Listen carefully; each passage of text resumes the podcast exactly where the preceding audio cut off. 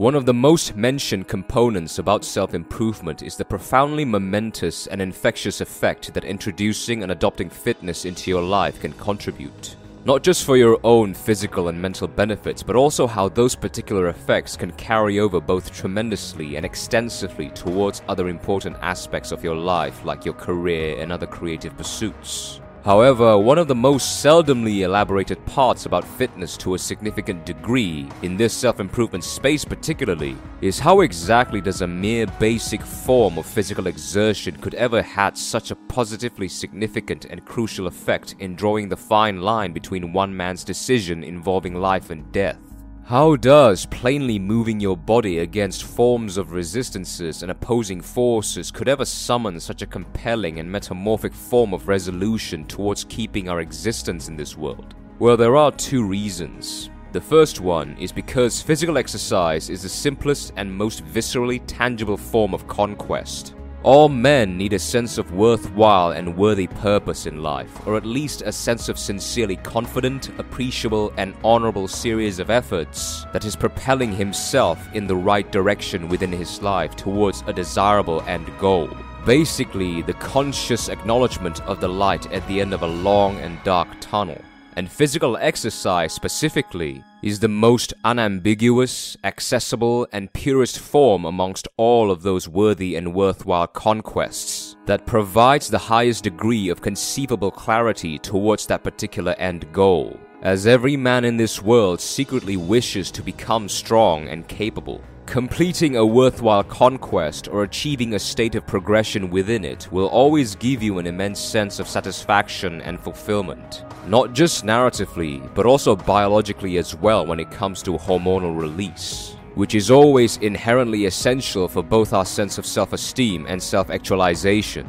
And fitness or physical exercise provides you with this particular sensation more effectively and efficiently than any other forms of conquests, simply because of its lack of complications and also due to its very preferably palpable effect for us human beings. As we all innately prefer things that can be perceived more viscerally by our five senses. Physical or tangible conquests will always be more preferred and effectively perceived by us than mental or intangible conquests. However, as we all know it, cultivating physical strength is the most effective way to cultivate mental strength, as its tangible nature provides us with the material blueprint to carry over into the intangible and complex world of our thoughts and feelings. A strong mind could lead to a strong body, but a strong body always lead to a strong mind.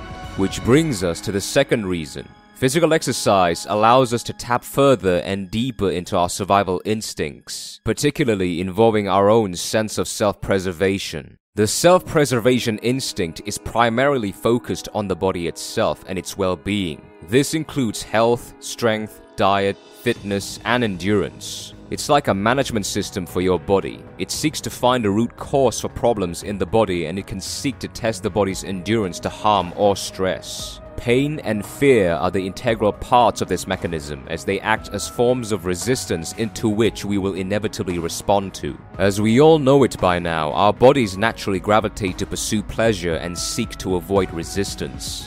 However, the imminent presence of resistance innately compels and motivates us to improvise, adapt, endure, and overcome when we have no other choice or options or when our back is against the wall, which will call for the effect of increased strength, mental sharpness, and heightened senses from us. Physical exercise, especially lifting heavy weights, though not as profoundly potent in producing the significant or extensive degree of pain and fear than, let's say, suffering and nursing an injury or being stranded on a deserted island full of predators, still could relatively and analogically emulate those sensations that compels us to exert ourselves tremendously to eventually allow us to overcome them, like the worrisome sense of fear in us due to the risk of failure and injury when trying to attempt a PR or a PB and the pain stemming from the immense exertion in order to lift that heavy weight to complete the exercise compels us to push ourselves harder than ever before and summoning new feats of yet to be explored capabilities, of which will inevitably be established as we slowly adapt. You don't necessarily have to enjoy it, but you have to do it regardless in order to eventually overwhelm that sensation of pain and fear yourself. This is how the analogy of physical exercise mentally help us prepare to face adversity.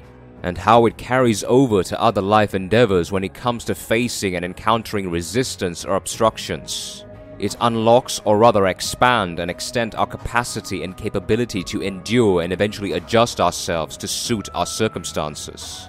It doesn't have to always involve lifting heavy weights, it can also involve running, swimming, or climbing, just as long as you are willing to constantly push yourself beyond your initial limitations, no matter how minuscule.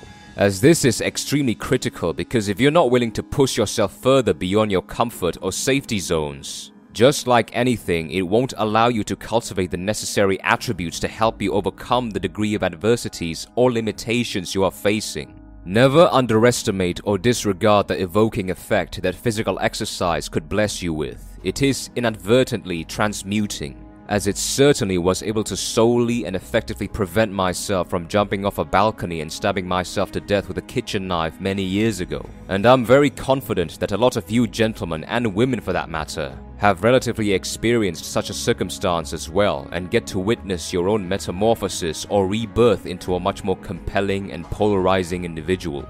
I owe pretty much everything to physical exercise or lifting weights in general, so much so that although I'm not religious by any means, I do pledge my eternal loyalty and commitment to it till the day I no longer exist. So if any of you watching and still skeptically wonder how physical exercise can cure majority of your personal issues, I highly suggest you try it out and take it seriously, because trust me, you won't ever regret it.